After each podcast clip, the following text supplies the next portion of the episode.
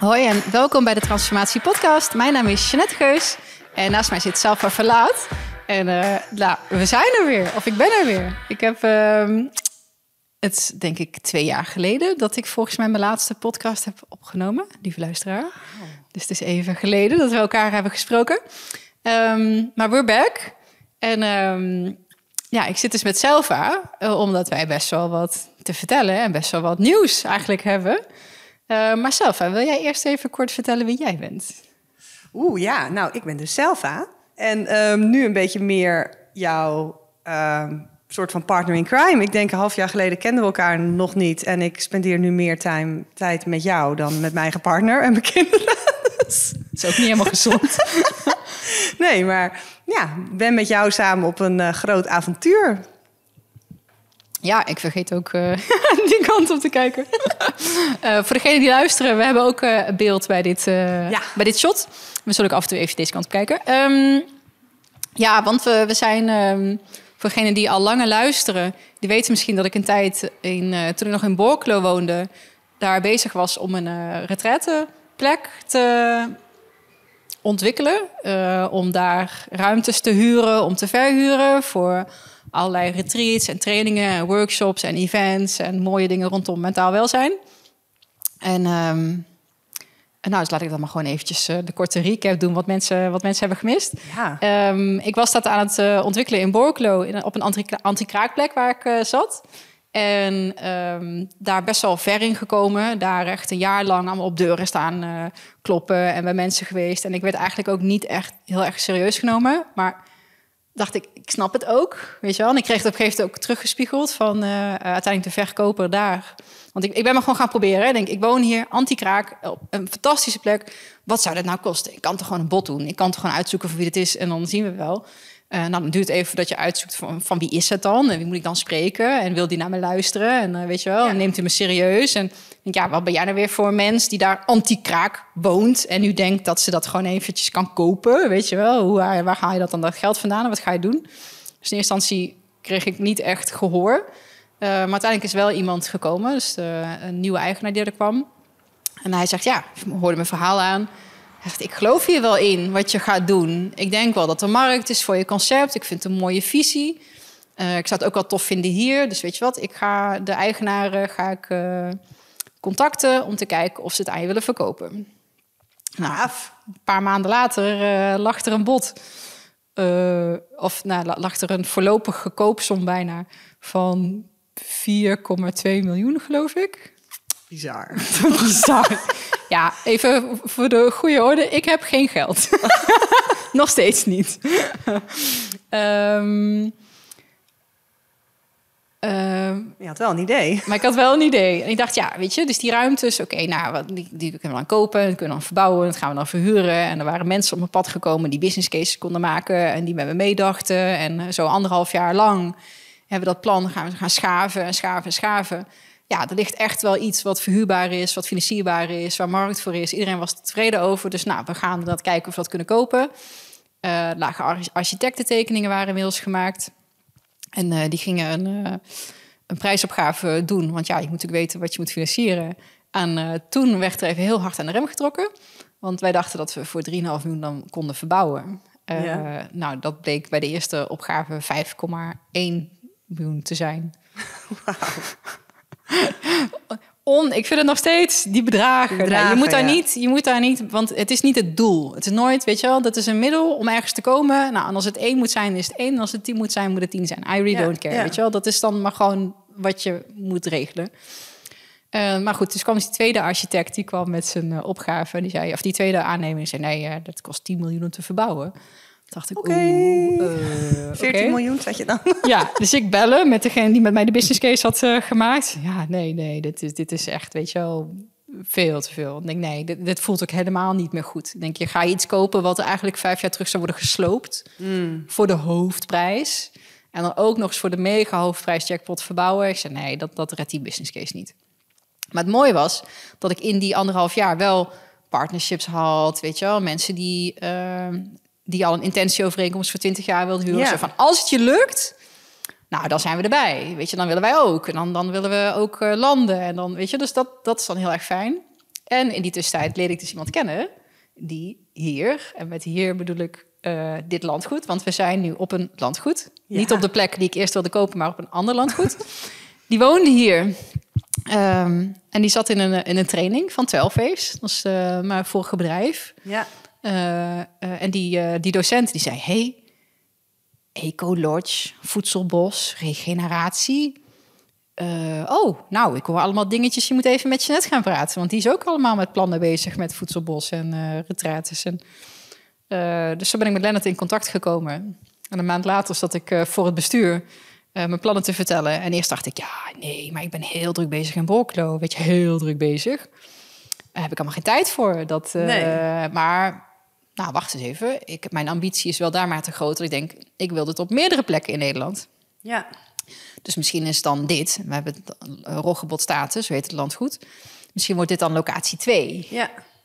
nou ja, eh, ik ga er maar naartoe.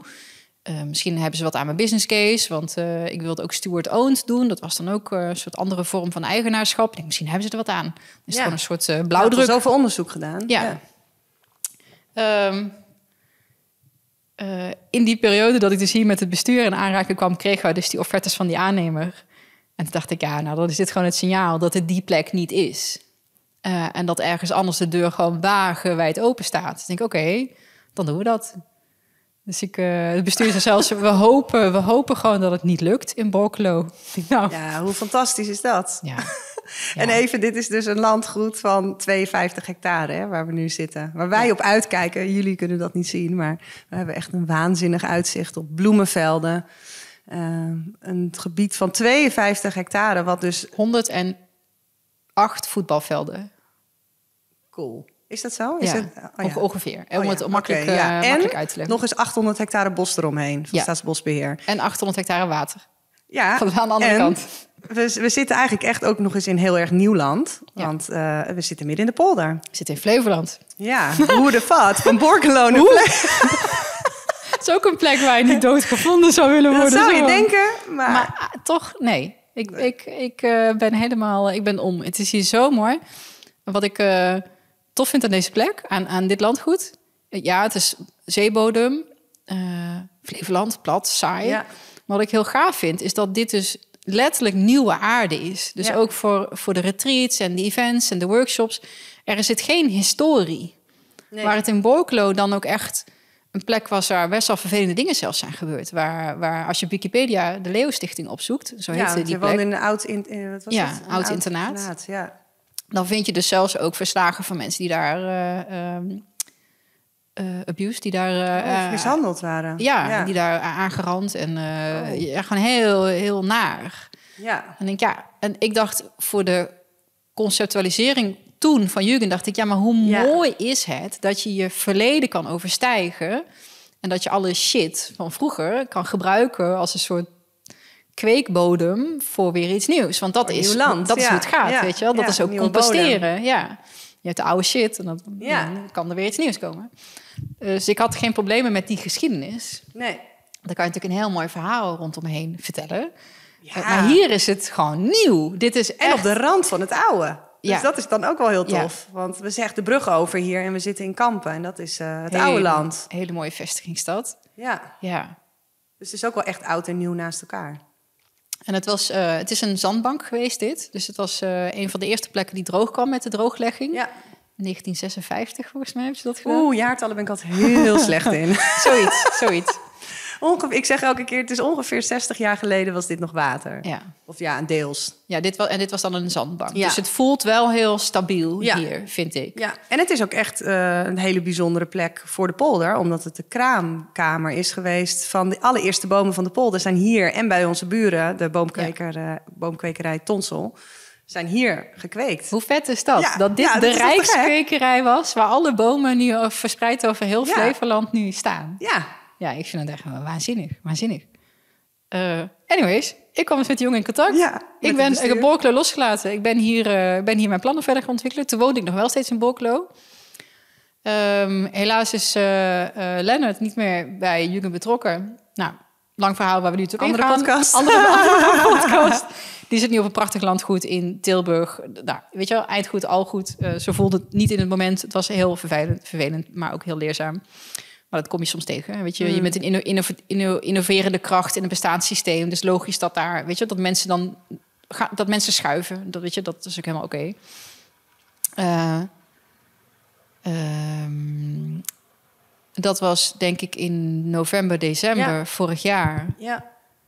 En in januari wilde ik een etentje organiseren voor de investeerders. Want ik had inmiddels al een ton aan startkapitaal toen opgehaald. Ja. Dan dacht ik steeds, ah, weet je wel, leuk. En toen zei jij, uh, nou, dat kan ik wel. ik kan wel een, uh, een event voor je organiseren. Want dat is wat ik doe. Ja, dus vertel, ja, wij raakten ondertussen ook steeds meer toen in die tijd in gesprek. Kenden elkaar niet echt. We hadden elkaar hier één keer heel vluchtig gezien na afloop van uh, mijn microfestival, Campfire Stories. Maar jij kwam toen in de afbouw en zei: uh, Ja, hoi, ik ben Jeanette. En ik zei: Ik sta stoelen te sjouwen, ik zie je een andere keer. dus dat was ongeveer, we hebben het niet heel erg uitgebreid gesproken.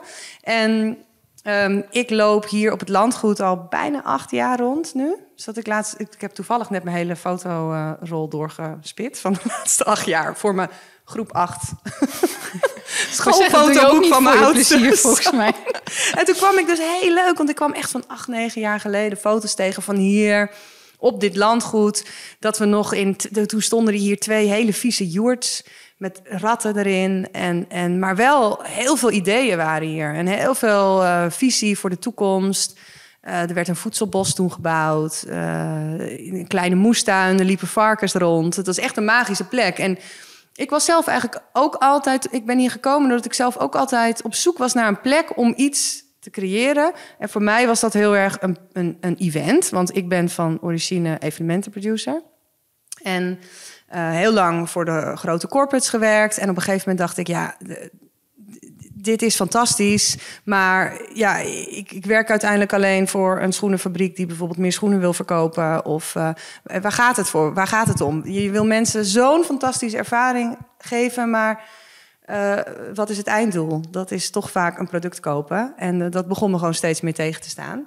Dus ik dacht, ik wil een eigen iets van mezelf. Een soort droomweekend organiseren waarin ik laat zien hoe mooi de wereld is. En wat voor fantastische initiatieven er zijn op het gebied van duurzaamheid. En hoe fantastisch het is als je weet waar je eten vandaan komt. Eh, ik heb altijd een zwak gehad voor kampvuurtjes. Dus er moest kampvuur in. Het moest in de natuur. Nou, ook weer een heel lang verhaal. Maar ik kwam hier terecht. Ook na drie keer was ik erop getipt. En ik dacht, ja, die polder, daar ga ik echt niet heen. Die A6, eh, die, die, die rechte lange paden, geen oude boom, niks. Nee, dat, dat, dat is niks. Maar goed, uiteindelijk toch gaan kijken. En ik kwam hier en het was gewoon liefde op het eerste gezicht. Ik, ik werd zo. Het is voor mij echt een oase in de woestijn van doodland, monocultuur, grote trekkers, gigantische sproeimachines. En dan opeens zit je. Ja, het voelt ook als een eiland, echt, deze plek, vind ik. En ja, we hebben natuurlijk, de bomen zijn hier niet ouder dan 60 jaar. Maar dat, dat, dat uitzicht en die wolken en, en, en de luchten en de kleuren hier en, en het, het, landschap wat we hebben nu vol met bloemen. En ik, ik had geen idee hoeveel soorten gras er zijn en hoeveel kleurschakeringen er eigenlijk zijn in gras en riet en de vogels. En ja, het is hier gewoon echt fantastisch. Dus ik werd meteen verliefd en zei ook, uh, uh, dat was toen Lennart uh, die hier rondliep. Ik zei, ja, ik, ik, ik wil je gewoon helpen. Ik wil zorgen dat hier mensen naartoe komen. En het helpen opbouwen. Ja, dus dat was zo is het begonnen. Ja. ja. En je, je zei in de, in de, voordat wij er dan, voordat uh, Jürgen, oh, dat heb ja, ik ook, ook nog niet. Moeten we zo ja. even bij stilstaan. te vertellen. um, um, dus dit landgoed is in de afgelopen acht tot tien jaar echt helemaal van onderuit met allerlei maatschappelijke initiatieven is dat ontwikkeld. Misschien leuk om even de achtergrond van het landgoed dan ook te vertellen. Zeker. Is dat uh, dit is een, dit was dus eerst een rijks een bomenkwekerij. Ja. 100 hectare bomenkwekerij. En toen zei die bomenkweker, nou, 50 hectare is ook wel genoeg. Ik kan de andere helft eh, verkopen we. Dat gaan we dan anders inrichten. En dan kunnen daar drie heel... Drie, hè? Moet je nagaan. Ja. Drie hele mooie villa's kunnen er dan staan. Met een fantastisch uitzicht.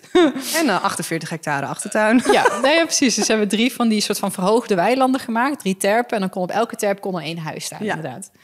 Ehm, nou, dat kregen ze toen niet verkocht. Dat kan je nu bijna niet meer voorstellen. Dat Dat dat... was er rond, de- rond de crisis, hè? Ja. 2008 volgens mij. En toen was er een mevrouw, eh, Yvonne, en die zat in een training eh, rondom eh, bewustwording en spiritualiteit en persoonlijke ontwikkeling en leiderschap. En ze zei: Wauw, weet je wel, deze training was zo, heeft me zo geholpen. Hoe kan ik jullie helpen? Want ik vind het mooi wat jullie doen. En nou, toen zei dat, ik weet niet eens meer, was dat de voor de baak? Ja, ik ben Even de naam vergeten van de organisatie. Ja. Ehm, Maar het bestaat ook niet meer, nee. dus niet heel relevant. Toen zei ze, nou, wij zoeken, wij zoeken een, een hoofdkantoor, wij zoeken een plek om te landen. Dus toen heeft zij dit heeft ze voor gekocht. Ja. Eh, en dit is eh, ontzettend, dit is ook wel heel erg mooi. Dit was dus landbouwgrond, Ja. dus agroforestry. Ja. Is toen afgewaardeerd naar natuur. Want Ja. dat is ook eigenlijk heel raar dat een natuurgebied goedkoper is dan. Ja. Nou, eigenlijk Krijg je geld op toe? Ja, Bij ja, ja. ja. Ja, nou, ja, letterlijk. Je krijgt tien Ja. jaar lang een subsidie omdat het in waarde heeft Ja. afgenomen. 75% van de aankoopwaarde, geloof ik zelfs. Ja, Zoveel? dat is echt heel veel, ja. Ja, dus dan maak je als bestuur of als eigenaar ook echt een hele bewuste keuze van we gaan deze grond niet volledig exploiteren, we gaan het teruggeven aan de natuur. Ja, Ehm, dus dat hebben ze gedaan. En ze hebben dus die, die drie terpen, waar dus eigenlijk die landhuizen zouden kunnen, dat zijn dus bouwvlakken gebleven. ja. En ze zijn vier jaar lang bezig geweest met plannen maken. Er zou hier natuurlijk een. Ik heb, er zijn tekeningen. Ja, Eh, er moest een hele grote gouden bol ja. kwam er op het hoofdkantoor. Nou, al over ego gesproken. Wel. Kijk, hier zitten wij. Oh, verschrikkelijk. Dat is alvast... Zie het voor je? Ja, nee, nee. Nee. Het is een Efteling-ding. Niet hier, nee. dus ze heeft- na vier jaar heeft ze daar de stekker uitgetrokken. Zo van, ja, dit, dit wordt hem niet. En dus in 2012 is het in, een, in de huidige eh, structuur gekomen. Is het Ja. geschonken aan een stichting. Ja, En heeft ze gezegd, weet je, wat moet ik in hemelsnaam met het landgoed? Ik heb er allemaal geen verstand van. Ik wilde dat hier iets moois ging gebeuren, sociaal-maatschappelijk nut. Dus, nou ja, maak er iets moois van. Eh, Ja. En dat is volgens mij toen Lennart kwam en toen jij hier ook was, weet je. En toen is dat met allerlei mooie crowdfunding campagnes en met heel veel vrijwilligers en heel veel tijd en liefde, bloed, zweet en tranen is hier iets fantastisch ontwikkeld. Ja. Er staan het, een van de eerste tiny houses van Nederland Ja, eh, klopt. staat hier van Linda en Kjeld. Nou, die wonen hier inmiddels niet meer. Dat huisje is verkocht. Eh een van de eerste voedselbossen Ja. in eh, Nederland. Dus heel, heel tof. We zitten nu in een... ehm, misschien moeten we af en toe wat meer in de camera kijken. ja. nou ja. Dat zit anders ook. Ehm, dus er is een heel mooi eh, slot gebouwd. Dat is nu net af. Daar hebben ze vijf jaar over gedaan. Ja, het is een soort... ehm, ja, ik beschrijf het altijd als een soort van volk van laaf huis. Er Ja. loopt nog net geen railtje eh, door, maar... ehm, ja, hoe noemen we dit? Een torperend dak? Zou dat een woord zijn? Toor- Vast nee, niet, hè? het, eh, ja, torderend. Soort, oh ja, dat is het. Volgens Nou, mij. Ergens rings de bel, maar ik weet het precieze woord niet. Maar misschien begrijpen jullie wat ik bedoel. Het is een soort scheef, twee eigenlijk scheve daken, half rond, maar dan ook nog eh gedeelte gelift. Erin. Ja, het is gemaakt van 70% gerecyclede materialen, wat ook echt te gek is. Ja, dus allemaal. In de, ik weet niet of dat lokaal was of van verder weg. Er Ja, was een scholen. school afgebouwd of uh, afgesloopt. En dan zijn ze allemaal die, die spijkers zijn allemaal uitgehaald. En dat Ja. hout is opnieuw gebruikt. Uh, de muren zijn van strobalen. Dus de isolatie is door strobalen. En de muren zijn van leemstuk aan de binnenkant. met leem, ja. En, en we hebben heel veel van de hoofdpilaren, steunpilaren van, van het gebouw... die komen uit een van de eerste rivierbruggen na de Romeinen. eh, bij Kampen, bij de IJssel. Nee, bij de IJssel, een, een, eh, eentje verder. En ehm, die hebben dus 500 jaar onder water gezeten. Dus dat is ook, dat vind ik ook echt te gek. Dus Ja. dat, zo brengen we wel steeds meer echt die historie naar dit landgoed. Ja. En die balken zijn zo mooi gebleven. We hebben er zelfs beneden meubilair van gemaakt. Ja, ja. Ja, Ehm, er zit een keuken in. We hebben een grote professionele keuken. Dat is Ja. ook te gek. Ehm, en wij noemen dit slot Roggebot. Ja. Zo heet het. Want het landgoed heet dus Roggebot Staten. En de zandbank waar dit op staat is de Roggebot Zand. Ja. Heet dat.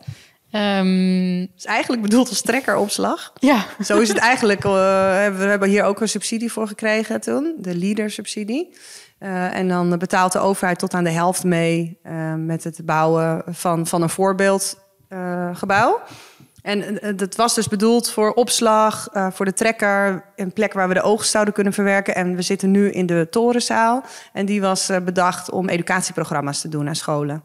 Ja. Maar ja, we vonden hem eigenlijk te mooi om alleen de trekker in te zetten. Ja, er staat nu een golfkar in, dat nog wel. Maar Nou, het, is een, het is echt een hele bijzondere eh, ruimte. Ja. Ehm, degene die, even kijken, nou, ik denk tegen dat deze uitkomt, kan je even op de Instagram kijken van Jugend Forest. Komen we meteen bij het volgende Ja, item aan. ja. Want, want uh, dat ik volgens mij te maken. niet gedeeld. Oh, je zult misschien merken dat wij soms van de hak op de tak springen, maar dat zijn ze sowieso van mij gewend.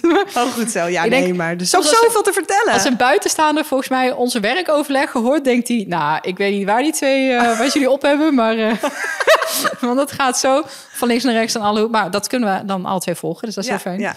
Ehm, nee, eh, eh, het concept heet wat uh, Jugend Forest.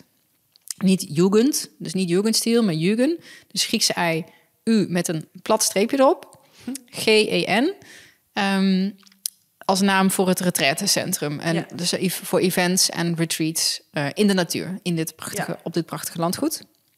En eh Jugend is een woord uit de Japanse esthetiek. is een woord uit de kunsten. Wat ze gebruiken om te omschrijven hoe je je voelt als je iets heel moois ziet. Ja. En met heel mooi bedoel ik echt dat je echt denkt... de tijd staat even stil en dat je echt denkt... wow, weet je, wow wat leven we toch in een fantastisch universum. Dat dit, weet je wel, dat je echt even helemaal wordt geraakt.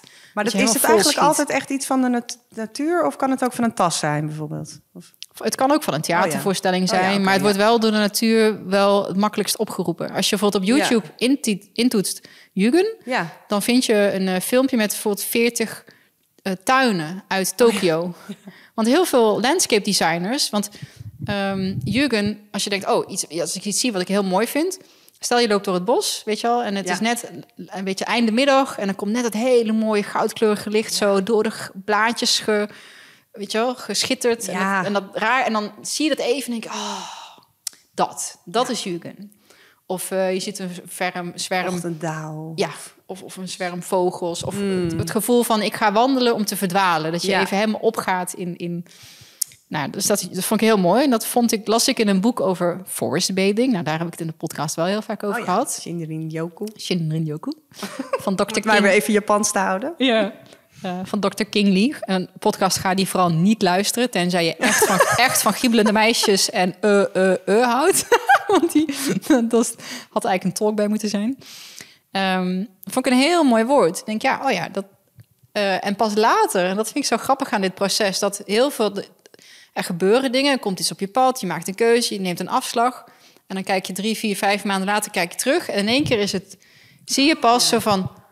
bijvoorbeeld Jurgen, ik vond het gewoon een mooi woord. Ja. En toen, een half jaar later, was ik dus op YouTube aan het googelen. En toen vond ik dus die tuinen. Maar toen vond ik ook Alan Watts. Nou, hallo, grote Oh, ja. inspiratie. Ja.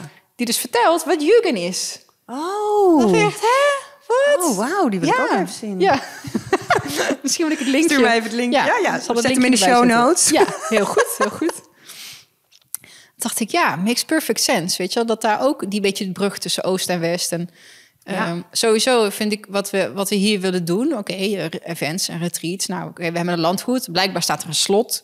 Ja. Ehm, we hebben hier ook een hele grote kas. eh, een oud-Hollandse druivenkas. Oh, dat is ook weer zo mooi. Ja, ook daar wij- verwijs ik even naar Instagram. Daar staan ook hele mooie reels eh, en, en plaatjes Het oudste, van. het onoffi- onofficiële oudste gebouw van de polder. Het is echt heel mooi. Dus ik snap wel waarom mensen daar willen trouwen en, en bruiloftsreportages eh, willen doen. Ja. Dus dat staat er. Maar er zijn ook andere dingen. We hebben een hele mooie bijentuin. Een Ja. eh, bijenhotel met een mooie Ja. tuin. Er staan hier wat, eh, wat varkentjes, bosvarkens in het Ja. bos. We hebben brandenrode runderen die voor ons de weilanden begrazen. Ehm, wat hebben we nog meer? Voedselbos, maar hadden we dus al even gezegd. Maar we hebben dus een groot voedselbos. En we zijn een tweede voedselbos aan het maken. Ja. Een hele mooie moestuin. Kruidentuin. En we gaan weer even terug naar januari, toen wij die investeerdersweek hadden. Oh ja, daar waren we. Daar waren we. Je zei, eh, ja, ik, ik kan dat wel voor jou organiseren. Ik zeg, oké. Eh, je hebt dat helemaal voor mij uit handen genomen. Je had twee weken de tijd, het was heel kort. En toen kwam weer een styliste, want dit slot was eigenlijk nog niet helemaal af. Nee, het was, eh, het was voor mij een doorn in het oog. Ik Ja. vond het gebouw uiteindelijk helemaal niet zo mooi. En ik dacht ook, ja, het blijft hier maar een rommel. Ik vond het heel... Dus ik... Ja. En toen waren jullie klaar na twee weken. En toen was het hier echt nou, magisch. Ik had inmiddels ook wat plantjes meegenomen uit Ja, Borklo. ja, Die was natuurlijk al aan ja. een grote Jij was al aan de oversteek begonnen. begonnen, Ja. Eh, dus je hebt het helemaal mooi gemaakt. En andere stoelen en andere tafels en wat gordijntjes. En nu is het echt een hele, hele, hele fijne plek. Ja. Eh, ik weet nog dat ik in die twee weken voor dat event echt zo zwetend, Ja. weet je, baan dit zweet wakker werd. Weet je, dit is al bijna, eh, jij doet het al, eh, moet ik niet ik, ik vond het heel, heel spannend. Maar het was perfect geregeld en er was lekkere taart en er was koffie en er was een chefkok en weet je, en mensen, het was helemaal geweldig.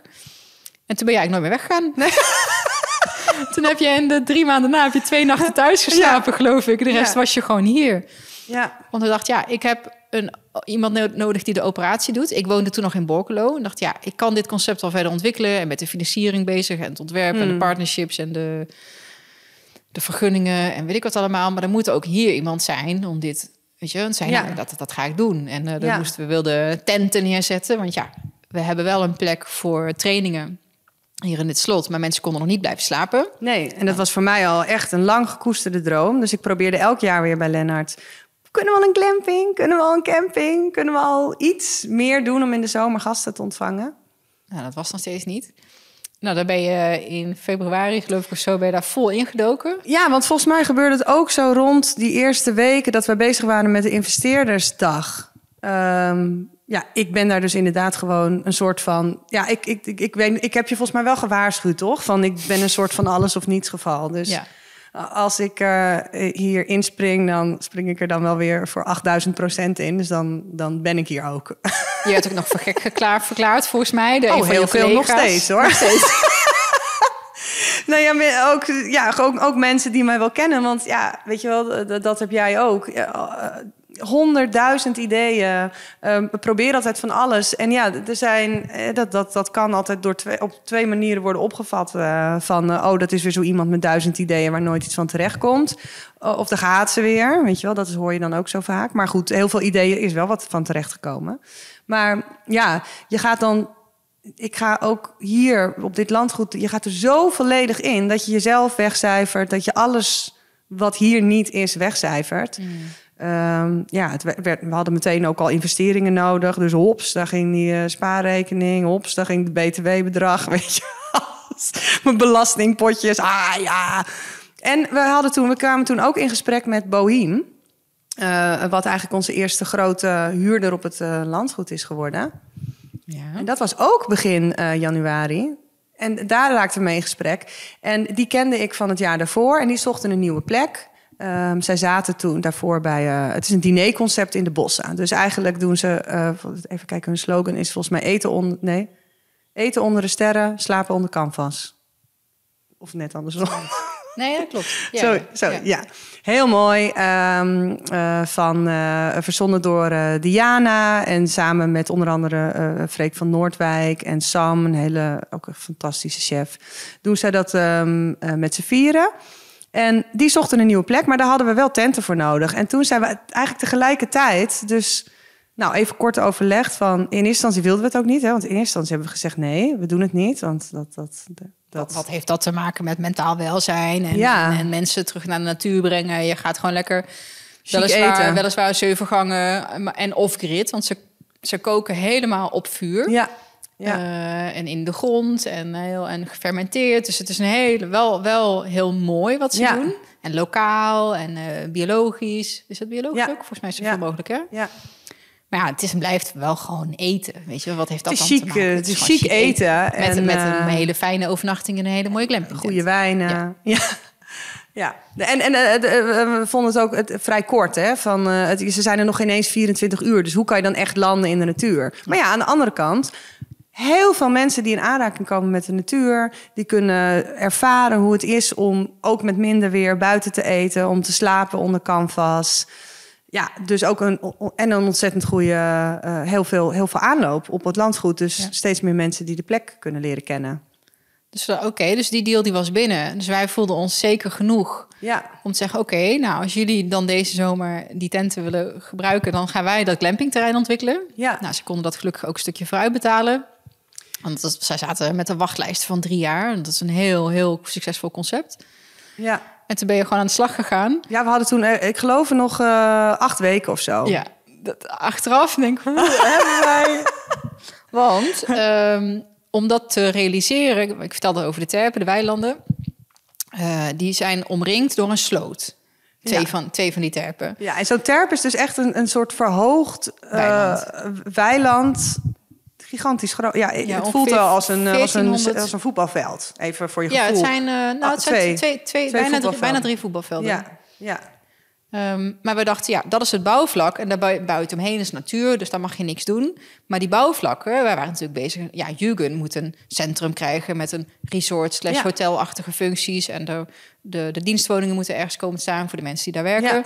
Dachten, nou, laten we dat op de rand van de Ja. terp doen. Ja. Want dan staan we, de, want we, de, de architecten waren nog niet klaar. Dan, dan kunnen we alvast vooruit. Dus we hebben graafmachines laten komen om de sloot te dempen. Want die terp ligt dus wat hoger, dus we konden wat eh, zand afgraven en dan in de sloot gekieperd. Eh, ik ben blij dat ik daar toen heel weinig was en dat jij op, op bierviltjes zo tegen die graafmachinist. Ja, want het moet, ja, het moet ook een beetje speels en een beetje leuk en er moet een beetje privacy en er komen 15 Ja. tenten te staan. Die zet je niet op een open weiland. Het moet een beetje met hoekjes en met bo en weet je dat. Ja, dat ik had het gewoon helemaal voor me. Ik zag het gewoon in mijn hoofd, hoe ik het wilde. Maar ja, dan heb je opeens zo'n gigantische graafmachine... met zo'n chauffeur die zegt, nou, zeg het maar. Ja. Nou, eh, begin maar hier. En dan inderdaad stuk voor stuk afgraven om de boompjes heen. Want die wilden natuurlijk alles wat er stond wilden bewaren.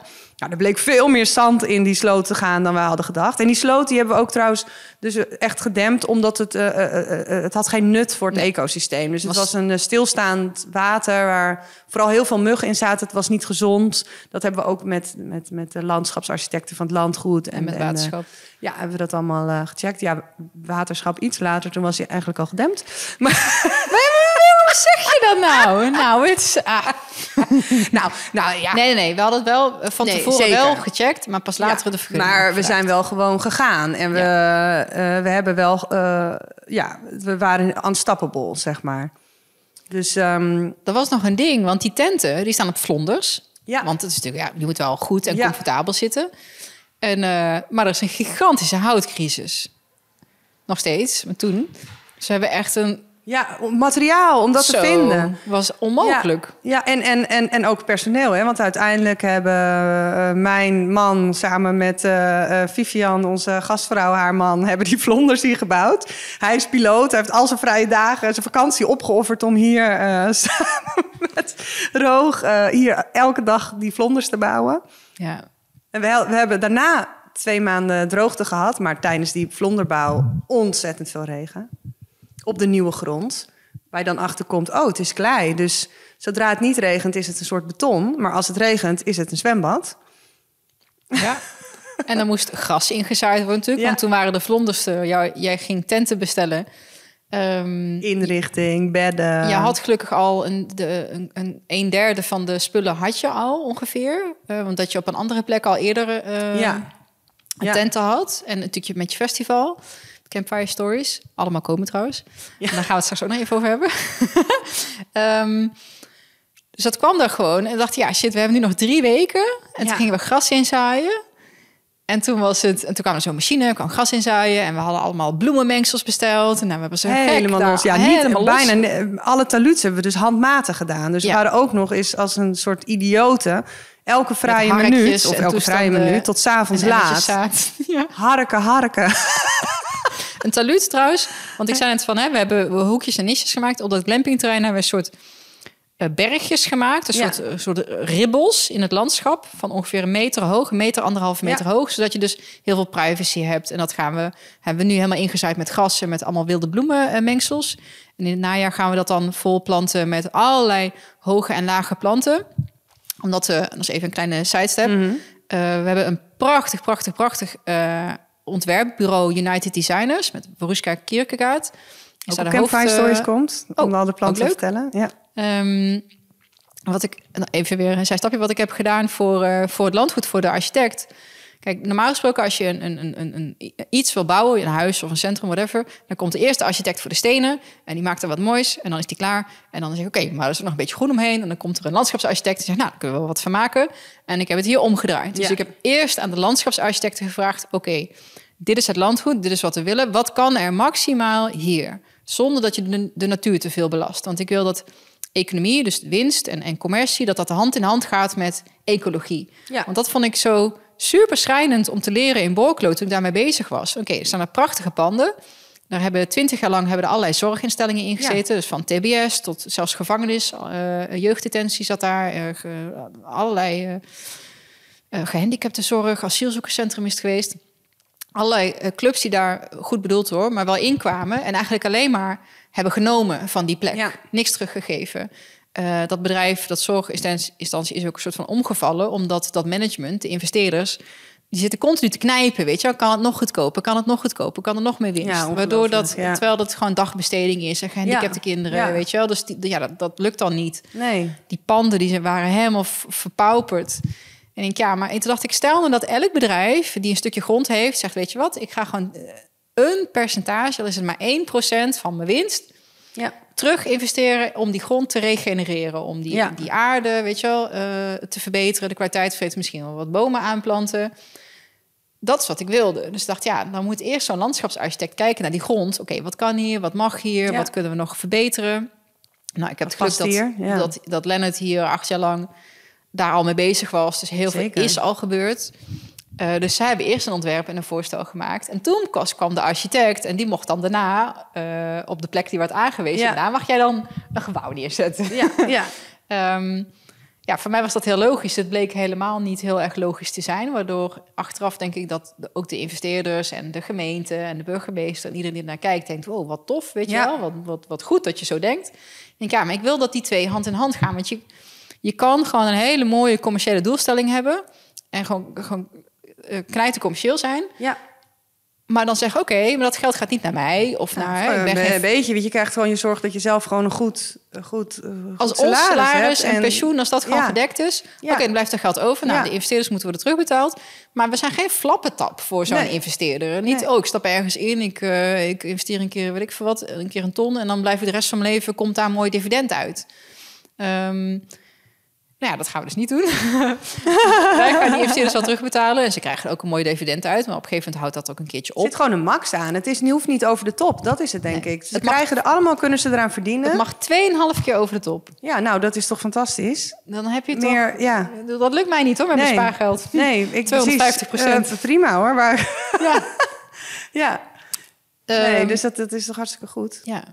Dus die... Um, ik heb zoveel zijsporen dat ik hem wel even. Nou uh, ja, maar het is natuurlijk dan ook wel. Dat is ook alweer bijna, denk ik, een aparte aflevering van wat we hier en hoe we dat en wat voor soort oh, vorm we dat dan nu, nu gaan gieten. Want we waren bij de glamping ja. met, de, met de taluuts en het ontwerp. En, van de dus we gaan dan een andere aflevering gaan we het hebben over uh, hoe, hoe, hoe, hoe kan dat dan nu? Hoe, hoe gaan we dan zorgen dat die winst in het land terechtkomt? Ja. En, uh, niet voor nu in misschien goed om te weten dat het geld wat overblijft wordt in een fonds gestopt, of een foundation of een stichting, hoe je het maar noemen wilt. En dat, dat fonds heeft drie doelen. Het uh, verhogen van de biodiversiteit. Ja. ja. Oh ja, dat gaat tussen... Ja, we worden even onderbroken. Tussen, tussendoor... Uh... Zo aan. oh, jouw uh, nature art, meneer. Oh ja, leuk. Er is een, oh, dat is ook heel leuk. Er is op dit moment een, een nature art. Ja. Nature artist ja. aangekomen op het landgoed. Die gaat kunst maken in de natuur. Van, van de natuur. Tim. Ja, met de, natuur. met de natuur. Nou, die mag al lekker los. Ja hoor, ik zie hem lopen met zijn rugzak. Ja. nou, mag lekker aankomen. Um, fonds, drie doelen. Uh, verhogen van biodiversiteit. En dat is op het eigen landgoed. Onder andere door die taluts te gaan beplanten met allerlei inheemse soorten die hier kunnen en willen groeien, zodat dit landgoed heel erg uh, nou, klimaatadaptief is. Dus het klimaat verandert, het wordt soms wat droger, soms wat natter. Weet je, het ligt een beetje aan wat waar. Dus dat dit, deze plek, deze 52 hectare, daar echt op voorbereid is. Dat die heel resistent is. Dus dan gaan we heel veel meer planten en kruiden. En ik wil allerlei geneeskrachtige en eetbare bomen, struiken, paddenstoelen. Ik wil zoveel mogelijk. dat het bijna een soort van bibliotheek is. Van een uh, soort... Uh, uh, botanische tuin bijna. Van, nou ja, dat kan ook, want we hebben zoveel ruimte. Ja. Goed, de landschapsontwerpers, dat zijn United Designers. Maar ik denk dat ik nog een aparte keer met Boruska een podcast ja, leuk, ga, ja, doen. Te gek. Um, dus dat gaan we op de. Dus we gingen, we gingen gras gingen, Ja, we gingen gras inzaaien op de glamping. En we hadden nog drie weken de tijd om van een zandvlakte. Een soort woestijn. We noemen het, we noemen het, ik noem het nog steeds de, de desert. desert. Van Jugend Forest naar Jugend Desert. Ja. Om daar een mooie groene, lush, bloemrijke oase van te maken. Ja. En toen uh, bleef het droog. Ja, dus echt, Drie weken lang. ja, dus echt ook, weet je wel, voor mij als eventplanner, ik had alles gewoon geproduceerd. Alles was op tijd af. We hebben dus ook nog een heel erg mooi toiletgebouw gebouwd. Oh, op een eh, hele filter, want we zitten nergens op het riool. Dus dat was ook te gek je dat ook dat tussen gelukt neus is. lippen door. Wij zitten niet op het riool. Huh, bah, hè? Maar ook de grote bouwplannen. Ik wil autonoom zijn. Dat wilde ik in Borkelen Ja. wel met eh, zonnepanelen, warmtepompen. Ja. Maar hier hebben we niet eens een riool. Dus je kan je eigen water behandelen. Ja, Als je even oplet wat je door het putje spoelt. Ja. Dus ik, eh, biologisch afbreekbare shampoo en afwasmiddel en wc-reiniger. En dan moet je allemaal weer nadenken. en poep, hè, dat is natuurlijk En ook... poepen eigenlijk ook. kan je daar ook heel veel mee. Maar dat is ook weer een ander verhaal. Ehm, Ja, dus dat hebben we ook nog eh, gebouwd. En alles was dus af, alles stond klaar. Alleen, ja, die, het veld was gewoon, het was gewoon één grote kale bedoeling. En ik, ik heb daar, daar lag ik dus weer echt wakker van. Dat ik dacht, oh, wat erg, die mensen komen aan. Die hebben een hartstikke exclusieve ervaring. Gaan super chic eten. Die tenten zien er mooi uit, maar ze zitten gewoon in een woestijn. Er is gewoon geen graspriet te zien. Dat was niet bij alle tenten zo, maar bij het eh, eh, waar we het meest hebben afgegraven, de, de acht tenten die daar staan, echt wel. Dus ehm, ja, dat was wel echt een hele goede les in de flow van de natuur. En Dat je dus eigenlijk alles kan beïnvloeden en we kunnen het allemaal regelen in deze huidige maatschappij en wereld en luxe positie waar wij natuurlijk ook in zitten. Maar ja, het gras kan je er niet van laten groeien. Nee, nee, dat was voor ons beiden. We hebben ook alle twee vreugdedansjes staan doen toen Ja. de eerste druppels vielen. Ontzettend. Ja, uiteindelijk hebben we op het eind van die droogteperiode hebben we twee waterputten laten slaan. Ja, want we kregen echt wel steeds meer een beetje paniek van... oh, oh ja, die sloot is nu ook weg. Dus al was het stilstaand water, nu hebben we niks meer. Ja. niks meer aan vocht. Dus inderdaad, En dat eh, was ook een beetje vooruitlopend op. Er staat hier al een hele mooie moestuin. Ja. En we willen eh, het voedselbos wat nu achteraan op het landgoed is. En een beetje een soort van mislukt is. Maar ook dat is een, een aflevering voor een andere keer. Ja. Naar voren halen. Ik denk ja, dan zit je nog de komende drie jaar met allemaal jonge aanplant. Ja, En dat moet je besproeien. Kijk, Ja. als het eenmaal gestabiliseerd een is, dan ook. gaat het goed. Ja. Dus nou, hebben we dan toch wel nodig. Dus dat hebben we gedaan. Ehm, ja, en nu hebben we gewoon 15 fantastisch mooie Ja. tenten op een veld dat inmiddels heel mooi Ja, groen is. er zijn nog steeds, ik zie nog steeds kale vlekken, maar de, de, de bezoekers die, die zijn echt omver, die worden echt omvergeblazen. En- Die weten niet wat ze meemaken als ze hier aankomen. En eh, Ja, dit is echt een, een parel. En Ja. ik vind het zo, zo gaaf, want de, de architecten... want we hebben dus de landschapsarchitecten... we hebben een, een masterplan-architect bij Autonomy... die het vanuit een bird's eye view echt kijkt... hoe je samen met de natuur kan bouwen. Want hij bouwt holistisch. Dus Ja, hij bouwt echt natuur-inclusief. ja. Hij bouwt natuurverrijkend. Dus door zijn gebouwen ontstaat er meer natuur Ja. om de gebouwen heen. Echt fantastisch. En we hebben een architect die de, de sacred space... ja. Want we gaan hier een ceremoniële ruimte eh, bouwen. Eh, dus we hebben eh, die, dat team met die architecten. Ben ik hem weer kwijt. ik heb twee nachten echt zo slecht geslapen. Ja, maar het komt ook omdat je zo, omdat we zoveel. Het komt ook omdat er zoveel te ja. vertellen is. Het is Het is, irritant. eh, het kan niet. Het kan, het kan bijna niet in één keer. Want ook dat is weer een heel apart verhaal. Hmm. Want wat we hier gaan bouwen met die tempel, dat is ook echt gigantisch. Maar het is allemaal wel heel erg dus in samenspraak met, hè, want we hebben het elke keer over dat landgoed en dat we altijd denken vanuit het landgoed. Dus dat doen we met onze vorm van eh, leiding geven, de winst, maar ook de architecten, waarbij dus United Designer eerst mocht, toen Moeen, toen Reed erbij, die ook weer volgens de principes van de andere twee architecten bouwt. Ehm, ja, eigenlijk alles wat we hier doen, ja, eh, luisteren we eerst, nou, of bedenken we onszelf eerst, wat Ja. is het beste voor het land? En Ja. dan pas, wat is het beste voor de mensen, voor de gasten? En het is misschien ook wel leuk te vertellen. Het is zo bijzonder dat het, wat het bestuur heeft gedaan, ook van dit landgoed. Ja, ja want, ze wat, hebben wat mij- voor, waar zitten we nu in? En wat voor constructies? Ook wel ja, even... ja je, hebt- het, het landgoed. Het landgoed is en blijft het landgoed. Dat zit in een eh, stichting. Ja. En ook die stichting wil dat landgoed beheren alsof het van zichzelf is. Ja. Ook heel progressief. Er zijn Ja. natuurlijk best wel wat eh, bewegingen in de wereld. Dat meer plekken waar ze dat willen. Van ja, waarom is de natuur van iemand? Dat kan toch helemaal niet? Die is toch van zichzelf? Ja. Dan kan je daar eigenaar over zijn en daar geld op verdienen? Eh, dus zij willen dit landgoed dus beheren alsof het van zichzelf is. Nou, ik wil Jugend ook eh, als steward-owned bedrijf ook laten opereren alsof het van zichzelf is. En niet van een of andere achteraf op de achterbank zittende investeerder. Nee. Maar echt voor zichzelf, van zichzelf, van de bestuurders die daar elke dag daar proberen Ja. om daar iets moois van te maken. Ehm, dus dat zit in de stichting. Eh, maar dat bestuur van die stichting, die voorzitter, die had mij twee keer gezien. Ja. En dan denk ik, achteraf denk ik ook van wat een gigantische blijk van vertrouwen ook. Ja. Of weet je, en achteraf heeft hij ook wel verteld, hè, we zijn al tien jaar op zoek naar de ondernemer Ja. die hier ons komt helpen. Want Ja. eh 52 hectare, het klinkt allemaal heel idylli- idyllisch en fantastisch, maar als je hier niks doet, dan, dan is hier volgend jaar is het één groot rietveld. En over vijf jaar is het gewoon bos. Ja. Is het, is staat helemaal vol. Nou, eh, vooral wordt het heel eenzijdig. Ja. En vooral riet eigenlijk. Ja. Want eh, de, de- veel meer zal geen kans hebben. Dus het is wel echt een, een stuk grond wat, wat, wat, je, wat je moet onderhouden. Wat, Ja. je, wat echt caretakers nodig heeft. En dat, dat kost gewoon anderhalve ton per jaar. Ja. Eh, want je hebt, je hebt een, fulltime, eigenlijk heb je twee fulltimers nodig. Je hebt je onderhoudskosten, je hebt je beheer, je hebt een machine.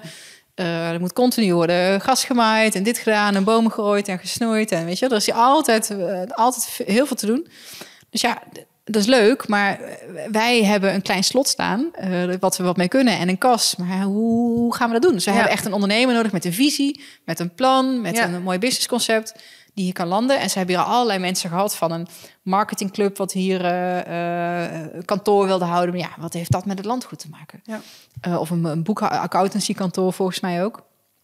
Dus weet je, ik denk, ja, hoe kan je mij nou in één keer zoveel vertrouwen geven? Maar ik denk, ja, moet je je voorstellen dat je tien jaar lang aan het zoek bent naar iets. En dan komt er een concept voorbij wat echt gewoon naadloos, één Ja. op één. Want ik kon mijn business case mee, ik kon alles gewoon één op één hier overheen leggen. Ja. En het klopte. Ja. En we hebben gewoon exact dezelfde doelstellingen. Want de doelstelling van de stichting is ehm, de duurzame instandhouding van het landgoed. Ja. Want zij wil dat dit voor zeven generaties vooruit, dat dit altijd gewoon dit is en zal blijven eh voorbestaan. En zij willen Daarna hier... mogen de flats op. Ja. nou ja, dat is leuk, want een projectontwikkelaar die stond bij mij op de terpen en hij zei: Maar heb jij door wat een standaard projectontwikkelaar op 1,3 hectare zou zetten? Hij zet Ja, ja, zeker. Finex woningen. Ja, ongelooflijk hoor. Ja. En wij, wij kiezen ervoor om dat gewoon niet Wij te zitten te twijfelen tussen 75 of 100 gastenkamers Ja. qua impact. Ehm, op het hele terrein. Ja, dus we, we hebben hele andere eh, plannen in dat opzicht. Maar ja, weet je, dan ben je continu op zoek en dan komt er iets voorbij en dan past dat. En denk je, ja, Ja. we gaan dit gewoon doen. Ja. En dan ben je nog een jaar, we zijn nu een jaar verder na dat eerste contact. En nu zijn we er helemaal uit en alle, de, weet je, de vier, drie overeenkomsten moesten opgesteld worden. Er moest juridisch, en was dat heel veel, heel, veel haken en in. Ja. Eh, maar het feit dat zij als doel hebben initiatieven faciliteren die bijdragen aan het welzijn van mensen en natuur. Ja. En dat is precies wat, wat wil je? Ja. Wat is Jurgen? Een initiatief wat bijdraagt aan het welzijn van mensen Ja. en natuur. Waar die twee, waar Echt je kan laten zien, ze kunnen samenkomen. samen. Ja. Maar ook business, mens en natuur. Ja. Ehm, weet je wel, ik, voor mij, ik vind het snijvlak tussen spiritualiteit en wetenschap vind ik echt waanzinnig interessant. Maar ook tussen bijvoorbeeld psychedelica en, eh, en psychologie, die twee.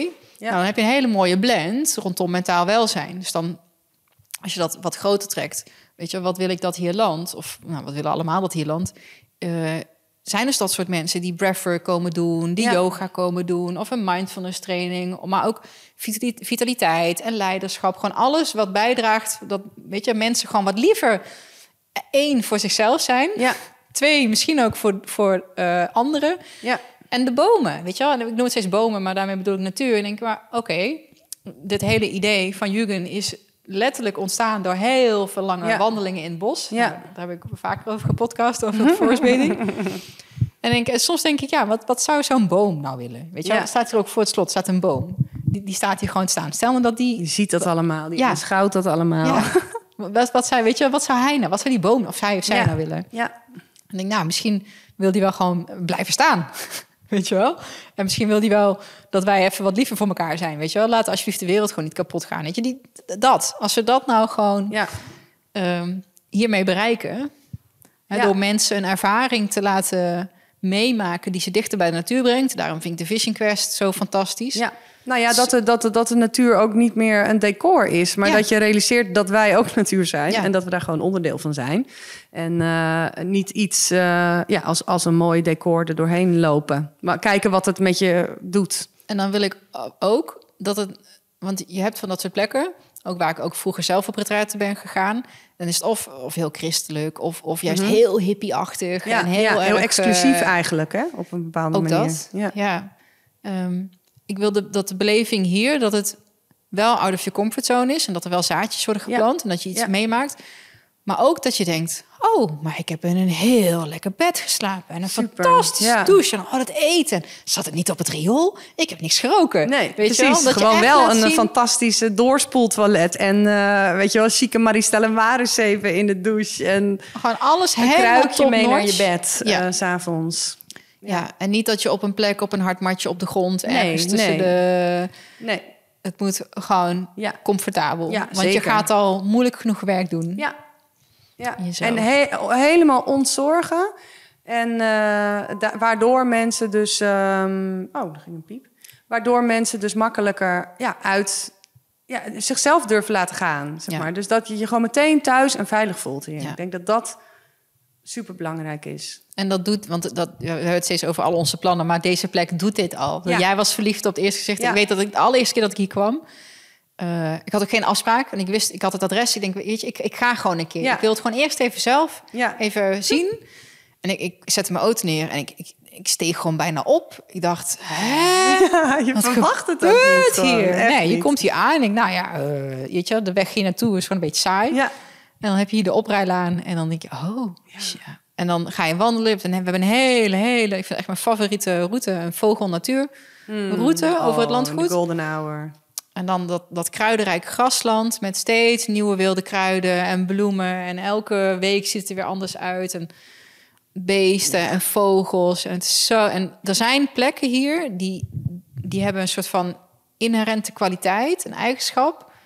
En bijvoorbeeld tussen Terp 1 en 2... Dan hadden we ook gezegd van ja, daar moet gewoon de, de tempel komen Ja. te staan. Want dit is... En de tempel is dan eh, de ceremonieruimte. Ja. Hè? Dat noemen wij. Wij zijn Ja, wij er inmiddels al helemaal aan gewend aan de tempel. Maar er eh, komt geen tempel. maar er komt wel een ceremonie. nou ja, er komt een, precies een aparte ruimte waar je ceremonies kan doen. En die daar ook alleen voor gebruikt wordt. Dus Ja. dat, die gaan we helemaal fantastisch inrichten. Ehm, en wij dachten, er zijn twee plekken op het landgoed waar als je daar gewoon loopt, daar word je al een beetje soort van vertraagd, weet je wel, en daar voelt het ook heel anders. Denk ja, dit is echt te gek deze plek.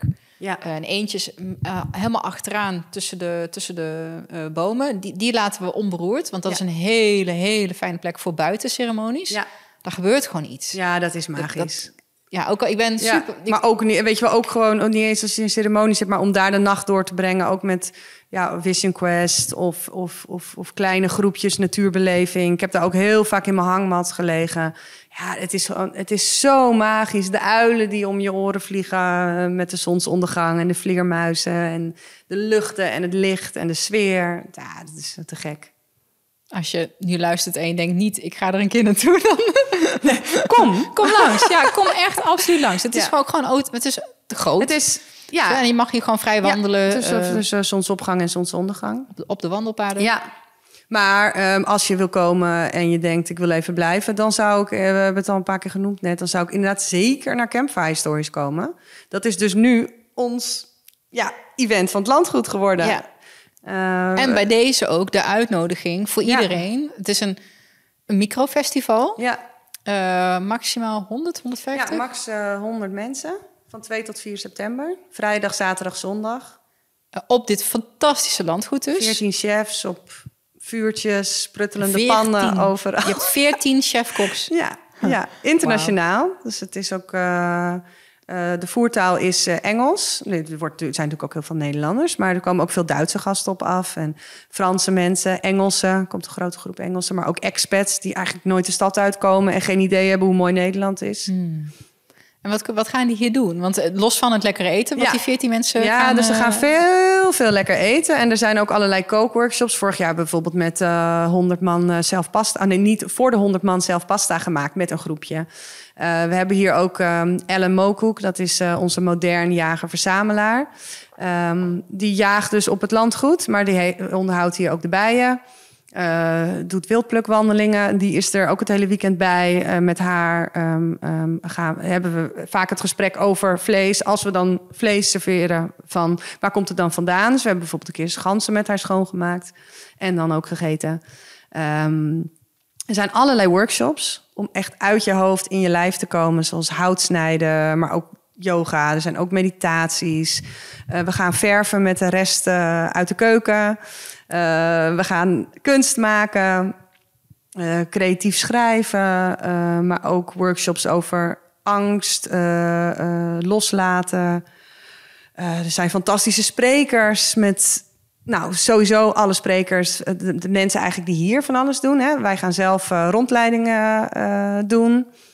Ehm, maar er zijn We kunnen daar alles vertellen ja, over, over alle plannen. ook over Beroepskeister. het ecologische plan. Ja. Want we hebben dus door United Designers over die hele 52 hectare opnieuw laten designen, zodat hier echt dit wordt één grote leven. Weet je, Ja. alle planten en beesten die hier zouden kunnen, dit wordt één grote wordt fantastisch. Garden of Eden. Ja. Ja, dus het is ook de perfecte kans om, eh, om drie dagen lang eh, onze plannen te horen en eh, op avontuur te gaan met het hele team. Er zijn ook alle facilitators die nu al hebben gezegd van wij willen hier iets gaan doen. Ehm, eh, zijn er ook zoveel mogelijk als ze, niet, als ze kunnen. Dus ja, nou ja. En je kan dus in een van die fantastische glampingtenten slapen. Dan moet je wel heel snel zijn, want er zijn er echt nog maar een paar beschikbaar. Maar ja, kom. Ja, ja, en als je nou toevallig niet kan, 2, 3 of 4 september, ehm, we vinden het ook heel. We hebben best wel wat vrijwilligers Ja. eh, Ja. gehad en nog steeds. Ehm, af en toe hebben wij eh, vrijwilligersdag. En dan eh, komen mensen echt vanuit het hele land. Gewoon twee uur met de trein. Om, Ja. om gewoon een dag met ons in het voedselbos eh, bramen weg te hakken. Of houtsnipperpaardjes te maken. Of geulen te graven tegen die kleigrond die niet wil afwateren. Nou, van alles. Maar en, denk ik, zo fantastisch om te zien. Dat, je, dat mensen zeggen, oh wat lekker. Ik wil gewoon even een dagje even iets nuttigs doen. Ja. Wat niet voor mij is. En waar ik dus ook gewoon iets voor de natuur doe. Eh, misschien ook wel wat leer of wat andere mensen tegenkom. Weet je, en dat blijven we ook doen. Ja. Eh, nou, ook als je, nou, neem gewoon contact met ons op. Als je zegt, nou, ik wil een keer een dagje of Ja. twee dagen of drie dagen komen helpen. Eh, als we op dat moment een, een tent over hebben, dan Kan je eh, lekker blijven slapen? kan je lekker blijven slapen. Weet je, dat is een soort van tegen kosten Ja. en inwoning. Als Ja. je, eh, nou, we komen helpen, dan eh mailen ons. Ja, ja. en ook, ook als je met je hele team wil komen. Want we doen dat natuurlijk nu ook met bedrijven. En dat is ook echt een succes. Dat vond ik zo tof. Ja. Er kwam gewoon een bedrijf die zeggen, nou, we hebben eh 80 man personeel. Nee, 40, want de aanhang mocht al mee en de kinderen ja, mochten 100 mee. mensen waren er in totaal. Ja. ja. Ehm, en de, de, de, de volwassenen die hadden gewoon eh, die hadden we in groepjes opgesplitst. En de ene ging hout hakken. En dan, nou, de andere ging bomen planten. in, een eh, hek gebouwd, In, ja. Allemaal hele toffe dingen. En voor de kinderen een heel apart programma. Die hadden ook allemaal spelletjes en toestanden. We hebben, we hebben in de boskamer, dat is een open plek in het bos... eh, ook overdekt. Er staat een hele mooie pizza over. We Ja. hebben lekker eh, pizza's gebakken voor iedereen. Dus weet je, zo'n dag. Ja. Het is Zo fantastisch een leuk. soapje rondgebracht. Dat was echt heerlijk. Met heel veel, ja, Ja. Caro eh, had hele lekkere hapjes Oh, en cakes en taart. En eh, nou, je, je- ik ben twee keer door Nederland een beetje aangekomen. Nee hoor, heb je er ook ik weer afgelopen. Maar ehm, ja, dat is zo tof. Dat zo'n Ja. bedrijf, weet je, als Ja, ze doen ook allemaal een stukje CO2-compensatie. Dat Ja. ze zeggen, weet je wat, natuurlijk, je betaalt voor je catering en je barbecue en je, je dagprogramma. Maar ze willen ook allemaal gewoon wat terug doen. Ja, dus de ene sponsort eh, die houtwal die we dan willen gaan in... Ja. eh, eh, in Er staat een eh, theehaag. er is een, ja, die theehaag hebben zij toen gedaan. Ja. Dus dat is leuk, weet je. Ja. Dan is het niet een bedrijf wat komt... oh, we willen even een leuke dag hebben... en op het einde van de dag zitten jullie met de sigarettenpeuken... en de blikjes bier, weet je wel. ja, dat hebben we ook. Helaas nog nou, wel eens. Dat, dat is nog een beetje een overblijfsel van een ander soort feestjes. Ja, dus dan, moeten, dan zien we nu dus heel duidelijk... Dat, willen niet- we echt niet. Dat willen we niet, nee. Ehm, maar er zijn genoeg bedrijven die zeggen... ja, wij zijn ook duurzaam. Wij hebben Ja. ook doelstellingen. We willen, willen, vinden het leuk om gewoon met iedereen weer bij elkaar te komen. Om wat nuttigs te doen. Ehm, ehm, eh, we worden in het hele proces trouwens eh, gratis bijgestaan... door een, een, een, heel groot advocatenkantoor. Ellen Overy. Ja. Een partner, weet je, die komt bono, ook ja. eh, zo'n vrijwilligersdag bij ons eh, eh, doen. Dus ja, weet je, dat, dat, eh, dat, dat vind ik het allerleukste. Ja. Ja, als er gewoon ook iets... Als je het mooier achterlaat dan dat Ja. je het vindt. Ja. Als er ook een soort van eh, teruggeven in zit. Ja. Misschien moeten we dat tijdens Campfire dus ook even gaan doen. Even iets verzinnen. Dat we met z'n allen nog een leuk project Nou, wij gaan wilden toch een zweethut bouwen tijdens Campfire. Ah, dat is Of ook voor cool. Campfire. Ja. ja. Of een, ja, wij gaan iets, we gaan wel hele bijzondere dingen nog wel doen. We, zijn nog wel, we gaan nog wel wat mensen uitnodigen. Denk, nou, Ja, er is zoveel te vertellen. ja. Hoe, waar kunnen ze het vinden over Campfire Stories? Ehm www.campfirestories.nl en op Instagram Campfire Stories NL. Ehm, wij hebben ook onze Jugend Jugend. Forest. Instagram eh, steeds actiever. Wij hebben zelfs onderling de afspraak dat we om, om de week eh, een reel maken. Ja, deze week had ik voor jou. Jij was zo zwaar. Ja. Ben ik naast jou gaan zitten. Kom maar met de R erop. Doe maar alle foto's die jij voor de reel van deze week had. Dan maak ik er wel even een compilatie van. Ja. Dat ging goed. Ja, dat ging goed. Ging goed. Maar ja, we, we zijn er wel echt heel erg mee bezig. En er gebeurt zoveel. Nou ja, net als nu. Weet je wel, je weet gewoon eigenlijk niet waar je moet beginnen. Want er is zoveel gebeurd. Ehm, dus we, we hebben nu echt ook voorgenomen dat we vaker gaan podcasten. Ja, wat kunnen mensen verwachten? Ja, precies. Wat, eh, mooi, wat want dan kunnen we onszelf... Ja, ja, ja. ja, Nou ja. Ook achter de deur. Ehm, we gaan vaker podcasten. Ja. Met Ehm, gasten ook. Met gasten, zeker. Met iedereen die hier eh, een, een, een rol op het landgoed heeft. Ja. Eh, ook om jullie, eh, we willen eigenlijk ook nog wel iets met beeld doen.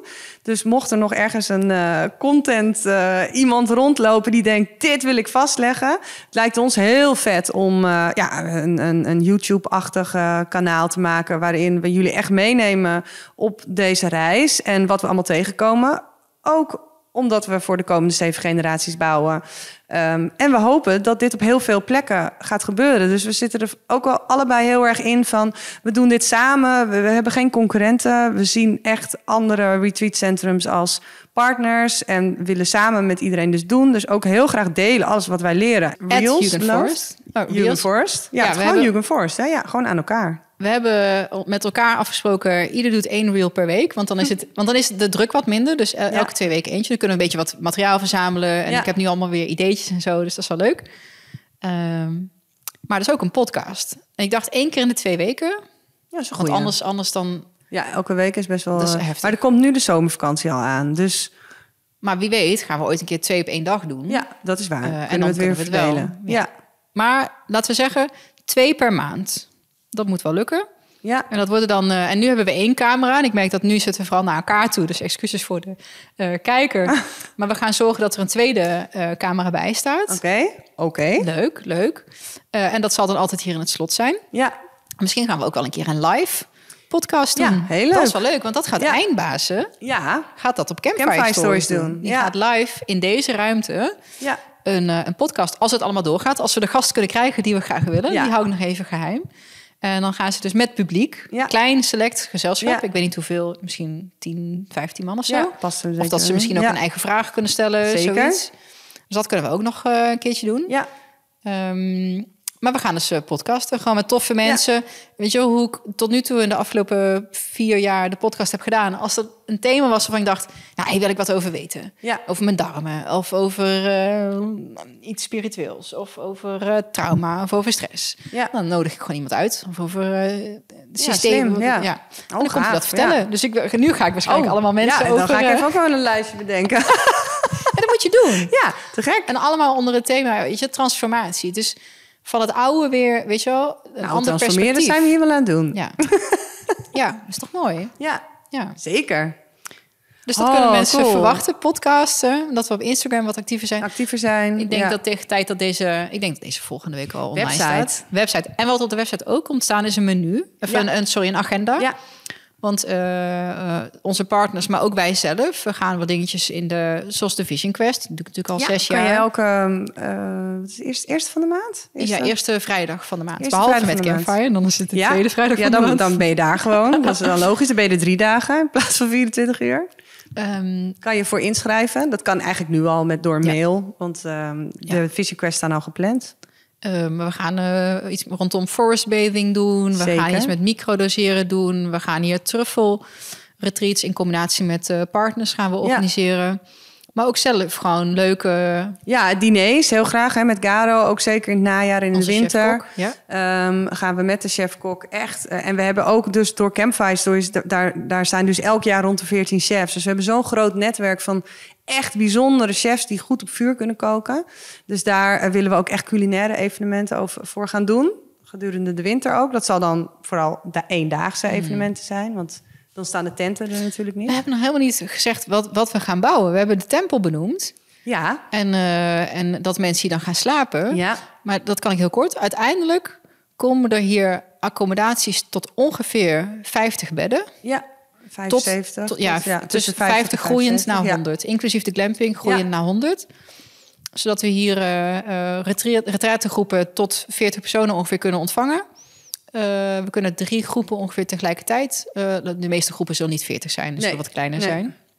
zijn. dus we kunnen hier meerdaagse retraites organiseren ook corporate events, ja, ook dus meerdaags. het is niet alleen, we, we doen het niet alleen de tempel, of dat is dus die ceremonieruimte, die wordt echt alleen voor ceremonies. Um, uh, van alles en nog wat. Maar daarnaast willen we ook heel graag gewoon die brug bouwen tussen de bedrijven. Hè, en ze steeds meer naar buiten te krijgen. Dus die brug bouwen tussen de bedrijven en hier in de natuur zijn. Dus we gaan ook zeker voor uh, bedrijven evenementen organiseren. Dus daar komen ook ruimtes voor. Ja. Oh, en die tempel. We noemen steeds tempel. Het is natuurlijk niet een klassieke tempel. Uh, Reed is de... Ja, maar de... het is leuk ook om een podcast op te nemen met Reed daarover. Ja, wat zijn achtergrond is. Hij ja, is... en hoe, wat hij gaat bouwen. Ja, ja. En met Moïn. Ja, we moeten al. En, oh, en Marushka. Nou, en genoeg te doen. Lieve mensen, ik uh, hoop dat jullie uh, even... Nou, we hebben wel... Best wel een download gedaan. Ja, precies. um, Dankjewel voor het luisteren. Dankjewel dat je er weer bij was. En uh, ik hoop je heel graag de volgende keer te zien. Ik ook. En te horen.